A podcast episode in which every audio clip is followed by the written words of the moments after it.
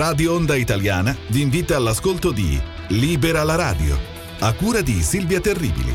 Informazione, musica e cultura italiana.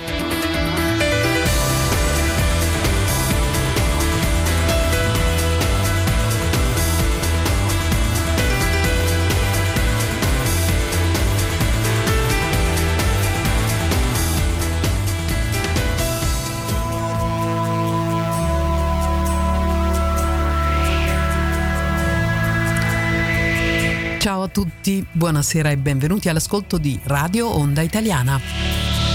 Questa è Libera la Radio da Amsterdam. Radio Salto, Staz FM.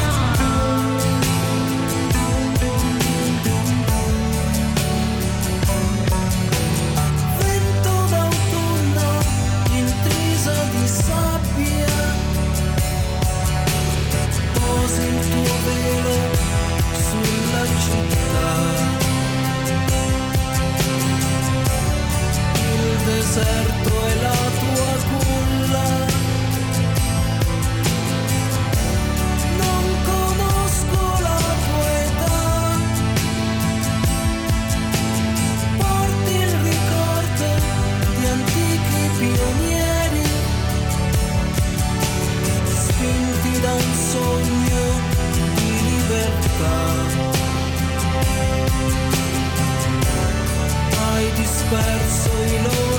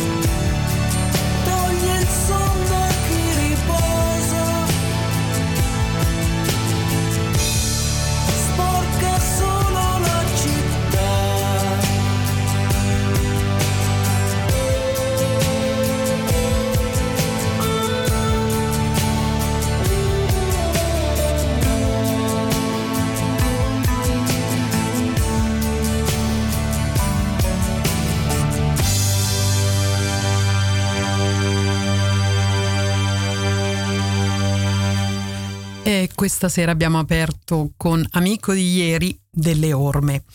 Questa sera parleremo di temi d'attualità, eh, naturalmente i vaccini immancabile, eh, tema e ehm, parleremo anche di, di Afghanistan. Ma prima di passare all'argomento di questa sera vi voglio fare ascoltare una canzone di Giuni Russo che si intitola Una vipera sarò.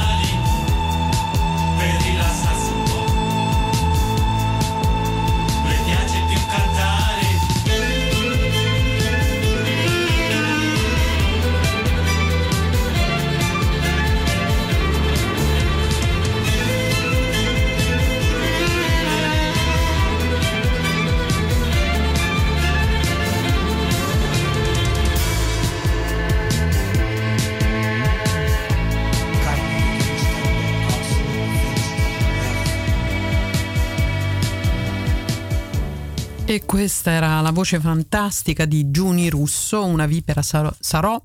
La canzone era di Battiato e Giusto Pio, naturalmente inconfondibili melodie. E passiamo all'argomento di questa sera e sono eh, naturalmente questi i vaccini, i vaccini anti-Covid.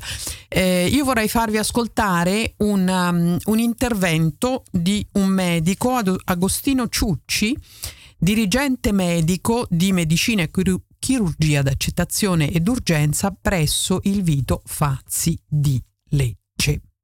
Ascoltiamo questo intervento. Io mi chiamo Agostino Ciucci, appunto, e lavoro al pronto soccorso del Vito Fazzi di Lecce. Per un anno intero ho lavorato con i pazienti Covid, quindi chiamarmi negazionista proprio non è proprio il caso. Però volevo riallacciarmi un pochettino alla- ai cognomi di cui parlava prima la sociologa. Eh, Fico, eh, Speranza, eccetera, eccetera. Io mi chiamo Ciucci, non è che ci faccio una bella figura da questo punto di vista.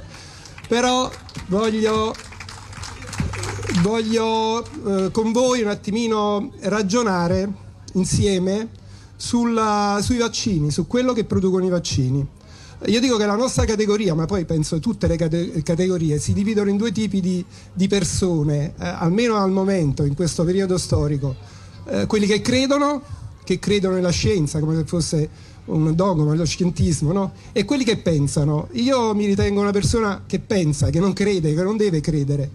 Pensare vuol dire essere anche critico e essere critico vuol dire comunque saper ragionare, saper trovare comunque delle soluzioni e vedere eh, altro, anche altro oltre a quello che ci propongono.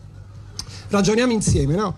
Eh, abbiamo detto che il virus eh, quando infetta le cellule entra attraverso un recettore, lo sappiamo tutti, che poi è un enzima che si trova su molte cellule, si chiama AC2 quindi eh, stiamo imparando a conoscere un pochettino bene questo virus e che cosa succede. Ebbene, questi AC2 sono dei recettori degli enzimi che si trovano su molti organi. Eh, I principali organi sono il polmone, lo sappiamo bene perché mh, insomma, eh, crea prevalentemente polmoniti, ma altri organi in cui si trova questo recettore sono per esempio il cuore, l'intestino e soprattutto i vasi, quindi tutto il, diciamo, il circolo sanguigno, i vasi, l'endotelio, la parte più interna dei vasi, presenta questi, questi recettori AC2. Eh, il virus attacca le cellule attraverso questi recettori. Un'ultima ricerca, una delle ultime ricerche che ha voluto eh, valutare qual è l'azione, eh, la parte più tossica del virus e perché il virus crea questa grossa tossicità, ha sperimentato, eh, ha in- inoculato in delle povere cavie un virus eh, privo per esempio privo del suo materiale genetico, cioè hanno tolto il materiale genetico dal virus, quindi hanno lasciato soltanto il capside, cioè l'involucro, e queste proteine, le proteine spike, ok? E che cosa hanno notato? Hanno notato che nonostante non ci fosse materiale genetico all'interno del virus, eh, il, il virus comunque creava danno. Quindi si avevano gli stessi danni, si aveva la polmonite, si avevano le endocarditi, le miocarditi, si avevano problemi vascolari, ok? Infarti, ictus, si avevano gli stessi danni che produce il virus. Questo perché? Perché non è il virus di per sé a dare comunque problemi, ma è la proteina spike, ok? Allora noi che stiamo facendo? Stiamo inoculando alle persone un siero che produce proteina spike, cioè ci stiamo autoproducendo una proteina tossica. E questo è molto, è molto importante da capire perché la proteina spike, nel momento in cui noi la andiamo a inoculare nel nostro organismo, e questo l'hanno notato ehm, diciamo, numerosi studi, non resta nel suo sito d'azione. Cioè noi la inoculiamo nella spalla, ma il 75% delle proteine che vengono prodotte vanno in circolo e vanno quindi a distribuirsi su questi recettori che si chiamano ACE2. Quindi, come, come per il virus, la proteina, proteina spike che noi produciamo ci dà infiammazione e quindi ci può dare problemi cerebrali, problemi polmonari, ci può da- dare problemi cardiaci, ci può dare problemi vascolari. Quindi no- noi con il siero, con il vaccino, chiamiamolo così vaccino, non stiamo facendo altro che produrre proteina tossica. ok? Chiaramente ci deve essere anche una minima predisposizione a crearsi de- eh, delle, delle condizioni gravi, però stiamo creando comunque, eh, il- i vaccini stanno creando comunque delle condizioni che sono molto simili a quelle del virus, se non peggiori. Ehm, diciamo che comunque il- questo, eh, questo meccanismo che, ehm, diciamo del, del- del- del vaccino, questo di pro- pro- produrre la proteina spike e la reazione alla proteina spike è tanto maggiore quanto maggiore è la reatto- reattogenicità del nostro organismo. Che cosa vuol dire? Che se io sono giovane, sono un ragazzo, sono un giovane adulto, sono un adolescente, un bambino, c'è una grossa reattogenicità nei confronti della, della- della proteina spike. Per, per cui la mia reazione a questa proteina sarà, sarà tanto maggiore quanto più giovane sono. E quindi i danni maggiori li, li vedremo soprattutto comunque nei, nei bambini, nei giovani adulti, nelle persone sane piuttosto che negli anziani, dove comunque il- la, la reattogenicità del sistema immunitario già è un, poco, un po' minore. Quindi i danni di questo vaccino li, li valu- li- stiamo valutando. Sì, dica. Quanto resta nel corpo la proteina spike di- dipende, ancora non, non- non- non- si è quanti- quantizzato il tempo, però resta secondo me mh, intorno ai 2-3 mesi. Eh, la maggior espressione dei danni della proteina spike si, si viene a creare comunque entro i 10, quatt- mh, 10 entro le due settimane, dal decimo al quattordicesimo giorno, perché in quel momento che stiamo producendo proteine e stanno incominciando a dare il- il- i loro danni, stanno incominciando a fare i loro danni.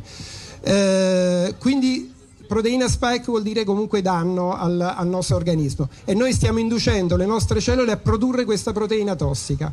È vero che produrremo anche anticorpi, anticorpi che eh, ne- sono anticorpi neutralizzanti per quella proteina che stiamo producendo. no? Noi ci hanno inoculato comunque un, un vaccino, un'informazione attraverso l'RNA messaggero di cui eh, ha parlato il collega e produciamo una proteina spike. Produciamo anticorpi contro quella proteina spike. Siccome abbiamo detto che questo virus è un virus eh, ad RNA, quindi un virus eh, abbastanza mutevole, vi dico già che a- al giorno d'oggi eh, si contano circa 2 milioni di mutazioni di questo virus, quindi per dirvi un pochettino come si può creare un vaccino su un virus così mutevole, insomma è, è quasi impossibile. Allora se io ho prodotto degli anticorpi neutralizzanti contro quella proteina e vengo infettato da un virus che magari col tempo è diventato completamente differente, la proteina spike è mutata completamente, allora quegli anticorpi non sono più neutralizzanti nei confronti di questa seconda proteina che mi arriva, questo virus modificato. E che, che cosa può succedere? Può succedere il cosiddetto fenomeno ADE, ne abbiamo sentito parlare anche di questo, che è un fenomeno eh, diciamo che può potenziare l'azione del virus. Come lo potenzia? Allora, voi se immaginate la spike come una chiave, no? La parte attiva di questa spike è lo stelo, è la- il pettine, quello che comunque entra nella serratura e apre la serratura, ok? Se noi eh, abbiamo del- degli anticorpi che non sono più neutralizzanti, cioè non vanno più a neutralizzare quella parte della proteina, cioè il pettine, diciamo così, che va ad aprire la serratura, ma si vanno a localizzare in altre parti della proteina, per esempio lo stelo, il manico e tutto, questi anticorpi non fanno altro che bloccare la proteina, fa- farla eh, fagocitare da alcune cellule che si chiamano macrofagi, ma non essendo stata neutralizzata, invece di essere frammentata, distrutta, eccetera, viene, eh, si moltiplica all'interno dei macrofagi, cioè va a moltiplicarsi nel nostro sistema immunitario, quindi si peggiora l'infezione, l'infiammazione, perché viene, viene attaccato anche il nostro sistema immunitario. E questo è quello che potrebbe succedere alla lunga a chi ha fatto il vaccino. Come un'altra cosa importante, parliamo di materiale genico che viene, viene inserito nel nostro organismo. È vero, molti, eh, noi abbiamo studiato no, con la biologia, anche i biologi lo sanno benissimo, che il nost- l'RNA messaggero che ci viene introdotto con il vaccino dicono che non può essere trasformato in DNA, quindi non può essere inserito nel nostro genoma, eh, anche perché poi dovrebbe essere distrutto rapidamente. Questo purtroppo non avviene. Eh, noi nel nostro organismo abbiamo dei geni già inseriti all'interno del nostro DNA che codificano per la proteina che normalmente non dovremmo avere, che è questa trascrittasi inversa che hanno solo i virus, cioè la proteina che mi ritrasforma questo RNA messaggero in DNA, DNA complementare. Noi non ce l'abbiamo, però abbiamo dei geni all'interno del nostro DNA che codificano per questa proteina.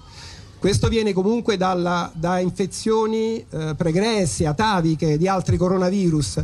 Quindi c'è la possibilità che questa proteina, questo, questo genoma, l'RNA messaggero possa essere trasformato in DNA, in DNA complementare. E quindi se c'è questa possibilità c'è anche la possibilità che questo questa eh, DNA complementare possa essere inserito nel nostro genoma. E quindi che cosa succede? Che possono essere sladentizzati degli oncogeni a distanza di tempo, quello che non possiamo sapere, quello che adesso non vediamo. Noi adesso stiamo vedendo gli eventi acuti, quindi le trombosi, le miocarditi, le pericarditi, li sto, guard- li sto vedendo anch'io. Io lavoro in pronto soccorso e vi dico che comunque ne vedo purtroppo.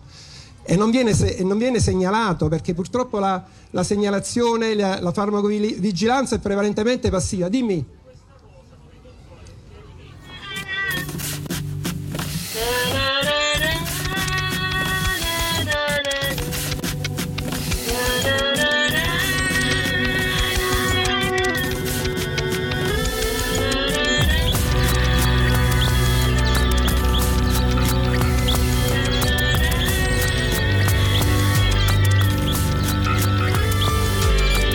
E abbiamo ascoltato un intervento del dottor Agostino Ciucci, dirigente medico di medicina e chirurgia d'accettazione d'urgenza presso il Vito Fazzi di Lecce.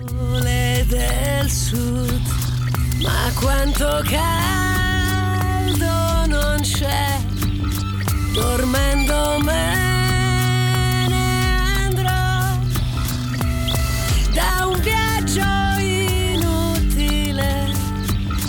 di solitudine.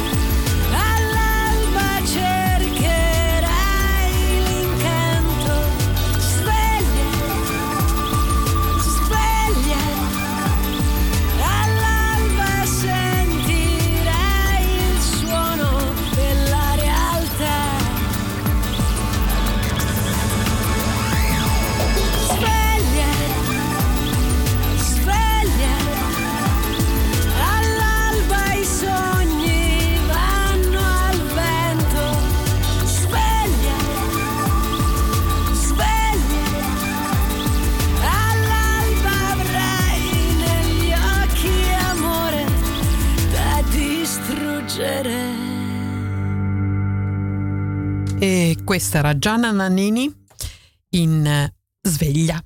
E veniamo al tema eh, del- dell'Afghanistan, della crisi in Afghanistan. E voglio leggervi un intervento, un articolo di Alessandro Volpi, docente di storia contemporanea presso il Dipartimento di Scienze Politiche dell'Università di Pisa. Dal rame al litio.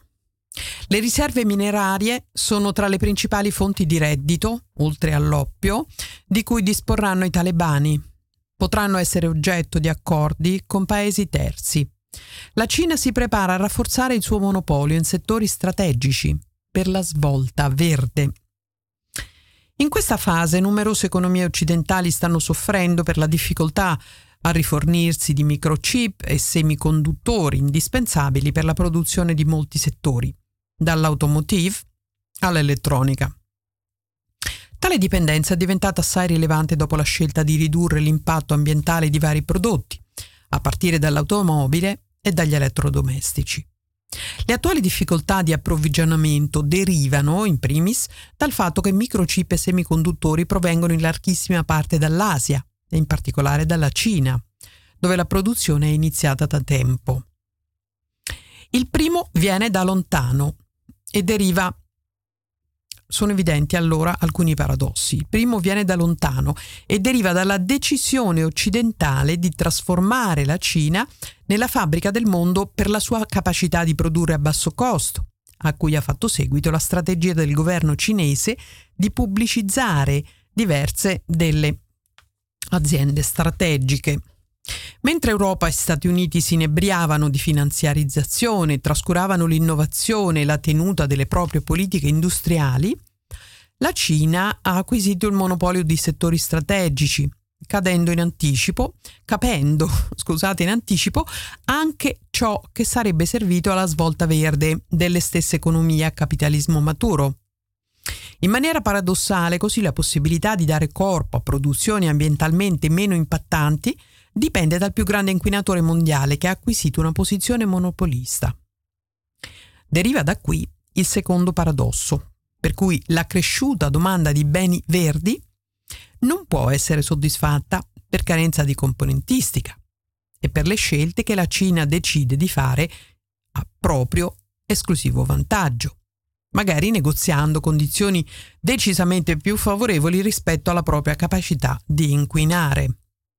La miopia occidentale in termini di strategie industriali coerenti con la propria visione del futuro sta generando mostri, a cui se ne aggiungono non a caso altri. Nel 2020 il valore dei prodotti italiani contraffatti nell'intero pianeta ha raggiunto i 100 miliardi di euro, segnando un balzo in avanti dai 60 miliardi del 2017. Oltre il 60% di tale contraffazione proviene dalla Cina. In sintesi, facciamo fatica a produrre per la dipendenza dalla Cina che ci toglie anche la forza dei marchi copiandoci in maniera esasperata. Questa forza cinese verrà molto probabilmente consolidata anche dal futuro dell'economia afghana. La presa del potere dei talebani potrebbe produrre infatti decisive e di nuovo paradossali conseguenze in termini economici. È probabile che vengano meno gli aiuti internazionali che hanno sostenuto, con contributi non lontani dalla decina di miliardi di dollari l'anno, il governo destituito. È vero che ben il 50% di tali aiuti sono stati destinati a finanziare la spesa militare dello stesso governo. Un dato paradossale, vista la tragica e immediata resa ma sicuramente il venir meno di simili contributi pone ai talebani la necessità di finanziare comunque una spesa pubblica non cancellabile. Inoltre, la Banca Centrale Afghana dispone di circa 9 miliardi di riserve, che sono però detenute all'estero e dunque difficilmente recuperabili dai talebani. Ciò potrebbe implicare una rapida svalutazione della moneta e l'imposizione di vincoli valutari riducendo ulteriormente quel 10% di afghani che dispongono ora di conti correnti nelle banche del paese.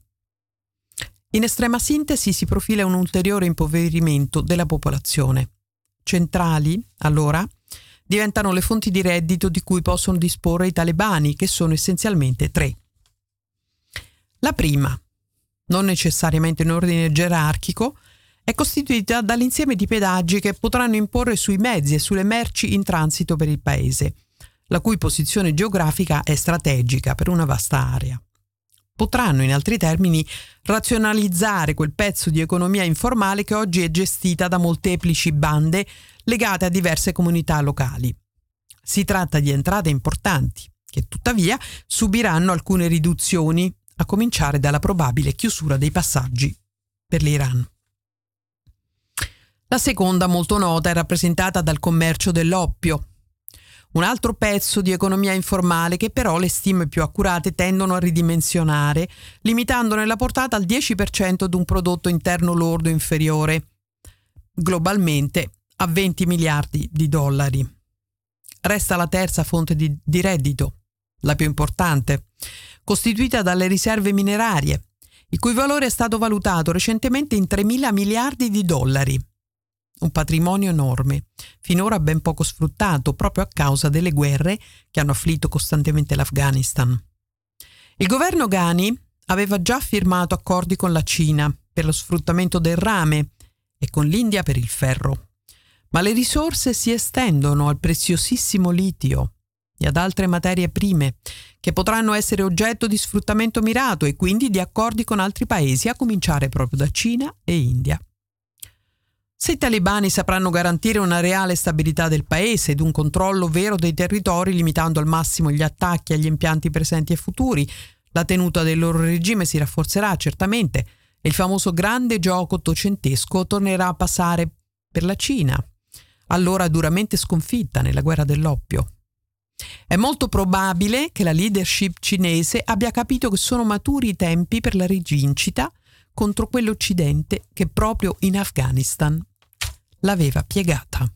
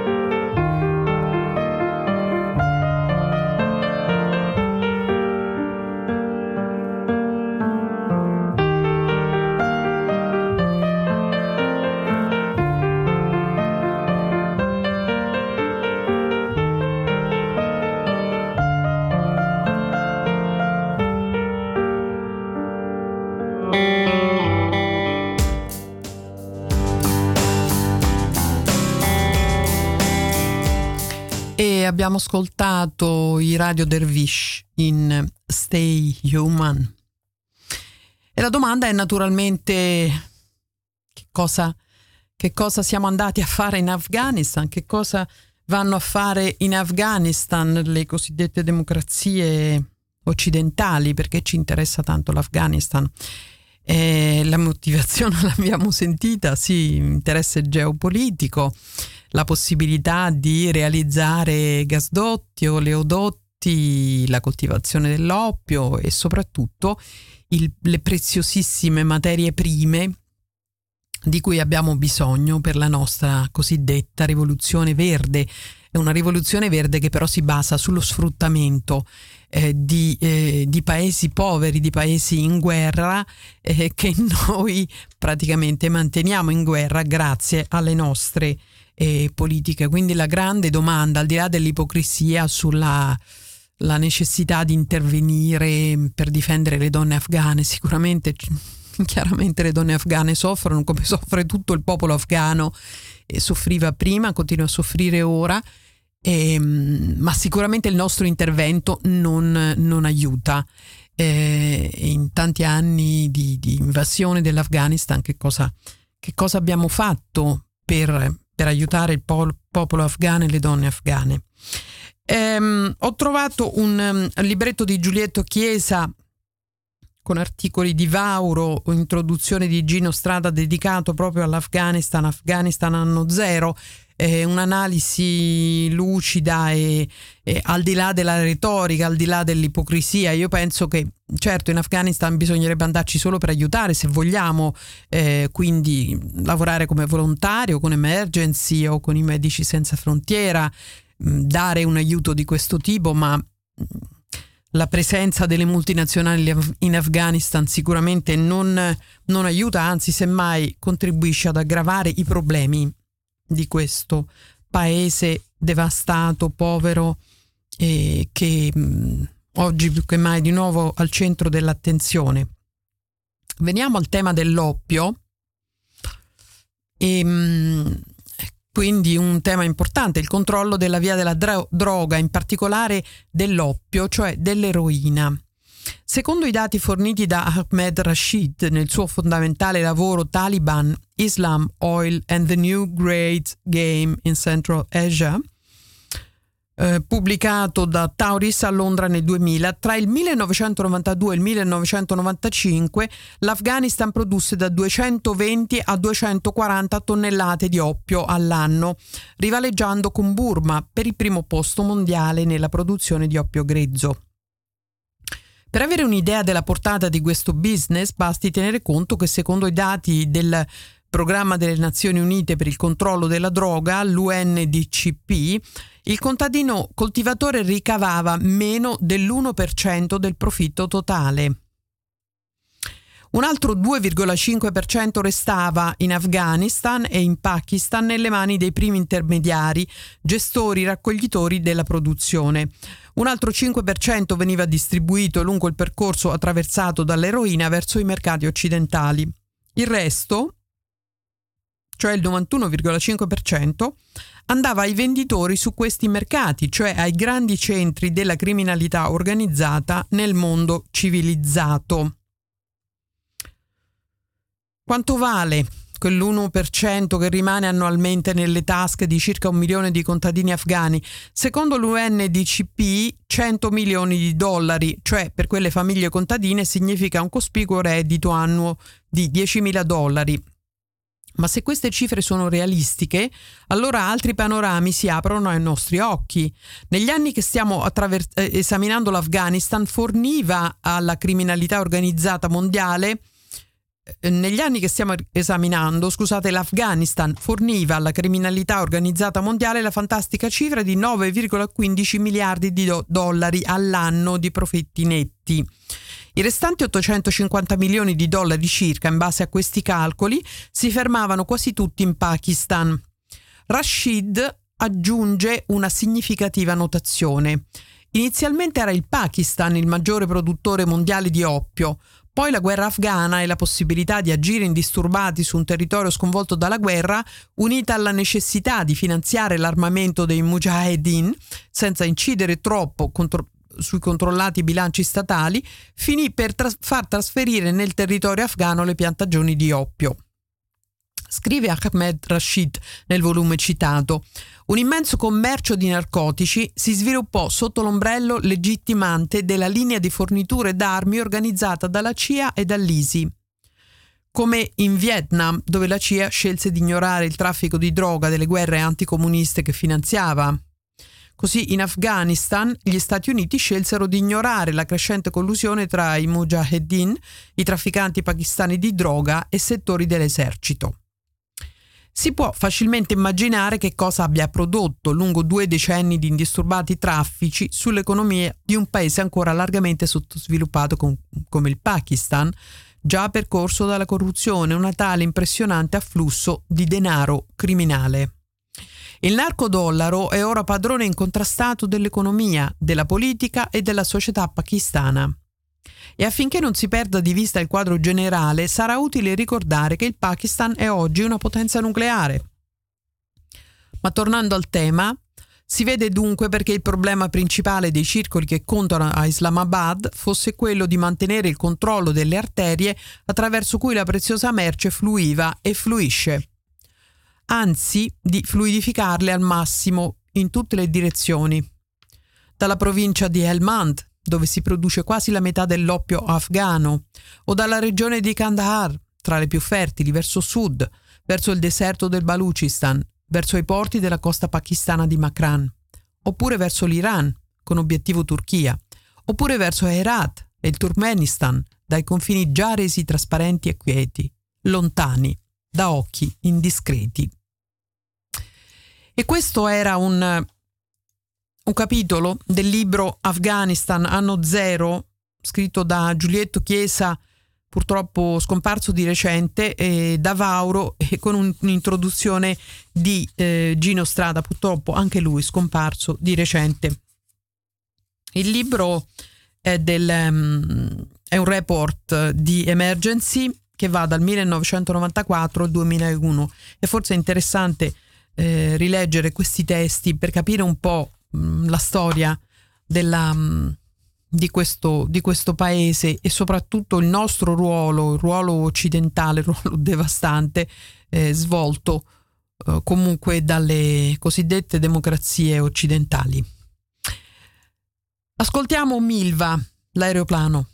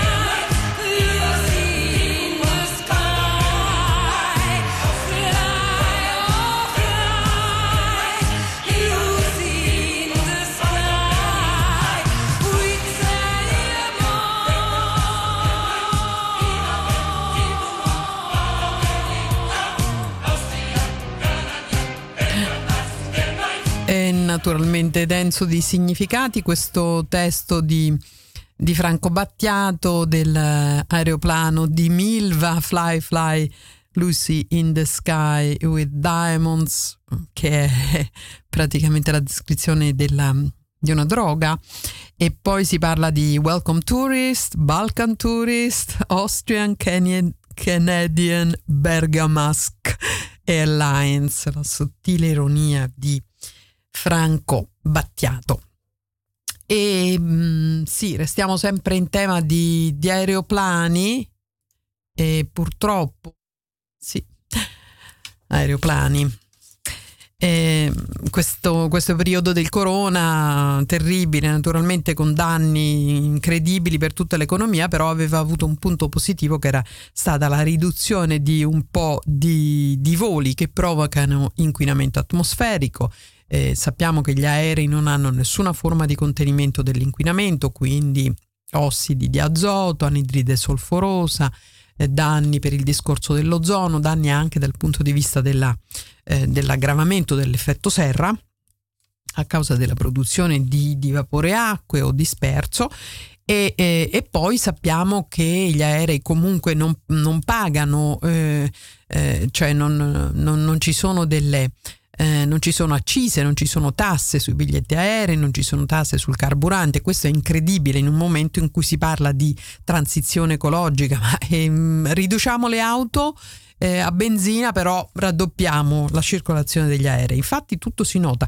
Più passeggeri di un anno fa, non siamo ancora a livello del 2019, però vogliono naturalmente tornare al livello del 2019, alla faccia della famosa transizione ecologica. Eh, gli, ae- gli aeroporti hanno avuto eh, questa volta 3 milioni di viaggiatori, non abbiamo ancora eh, raggiunto nuovamente il livello del 2019, cioè 6,7 milioni di passeggeri, di passeggeri eh, da Schiphol. Um, il numero di voli eh, di luglio eh, a Schiphol era eh, di 29.141, quindi praticamente un terzo in meno del livello del 2019. Eh, e poi c'è anche da dire che nel periodo del corona è vero che i passeggeri non potevano volare perché insomma poi c'erano anche delle restrizioni, eh, però è stato raddoppiato il traffico merci, il traffico cargo su aerei. E questo veramente non si capisce perché non si utilizzi il treno che inquina il 75% di meno sempre alla faccia della famosa rivoluzione e transizione verde. Ehm, nel, 2019, nel 2020 si sono avuti quindi 1854 voli eh, tra, di trasporto merci con un aumento di circa il 60% rispetto al 2019 e quando faremo finalmente qualcosa per incoraggiare il trasporto eh, veramente ecologico, quindi ehm, per le lunghe distanze fino a mille fino a mille chilometri, trasporto su strada, eh, trasporto scusate su ferrovia, soprattutto se alimentata con energie rinnovabili come sole o vento, invece del trasporto su aereo che eh, utilizza carburanti fossili senza nessuna riduzione dell'inquinamento. Questo è veramente un grandissimo eh, interrogativo, no, mm, diciamo una cosa che dovrebbe avvenire subito, essere fatta. Eh, questa è Ornella Vanoni, giochiamo un po', Toy Boy con la pesce di Martino.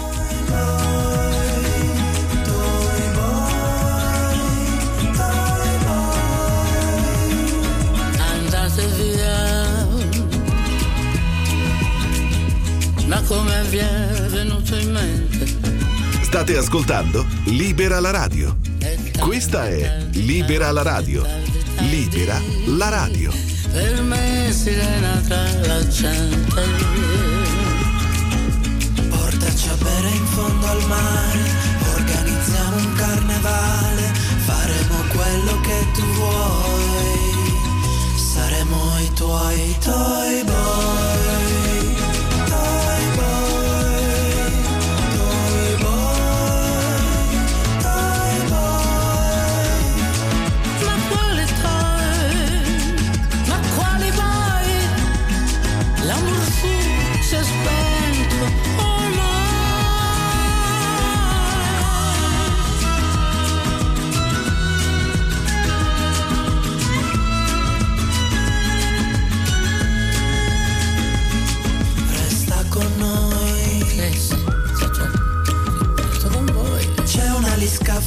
Ci aspetta.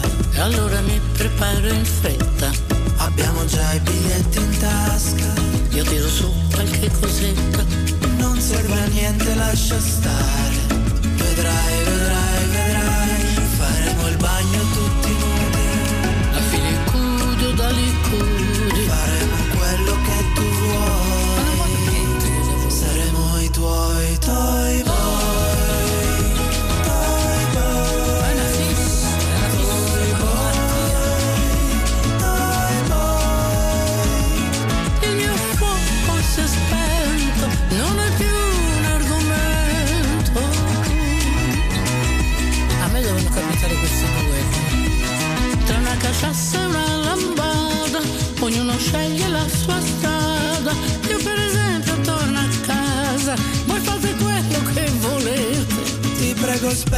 questa sete, saremo i tuoi.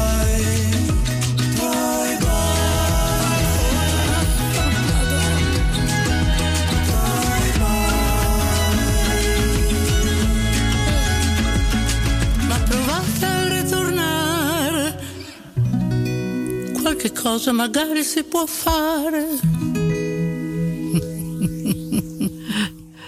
Veramente simpatica questa Ornella Vanoni con la pesce e Di Martino in Toy Boy. E questa invece è Elodie in Rambla. È un anno che perdo la strada di casa se provo a ritornare più niente mi resta nel cuore nemmeno le frecce di un cacciatore siamo fuochi dentro una città ma bruciamo solo di domenica. Andiamo a ballare ogni volta un po' come morire. Ma poi chiudo gli occhi e ti vedo sei bello come un sole nero. Mi servi come un sombrero nel centro di città del Messico. È vero l'amore è come un buco nero. Io sono il regno tu l'impero che ci colpisce ancora ci accompagnerà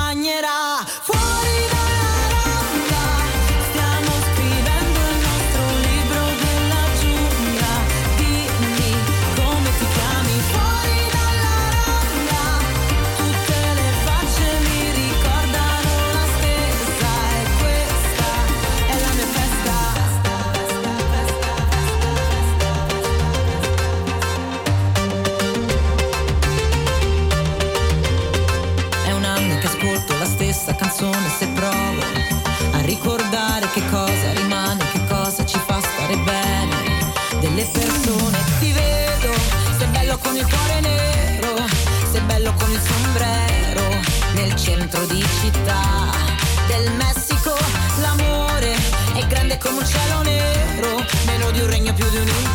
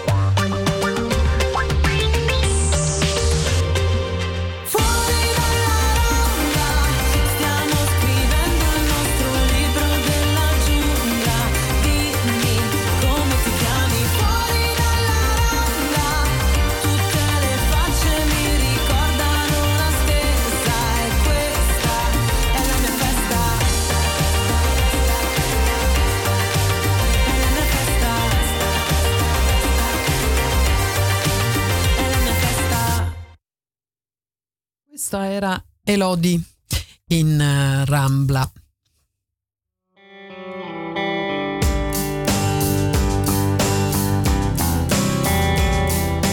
E sulle ultime note di Gianna Nannini si chiude questa radio onda italiana di stasera, libera la radio con Silvia Terribili.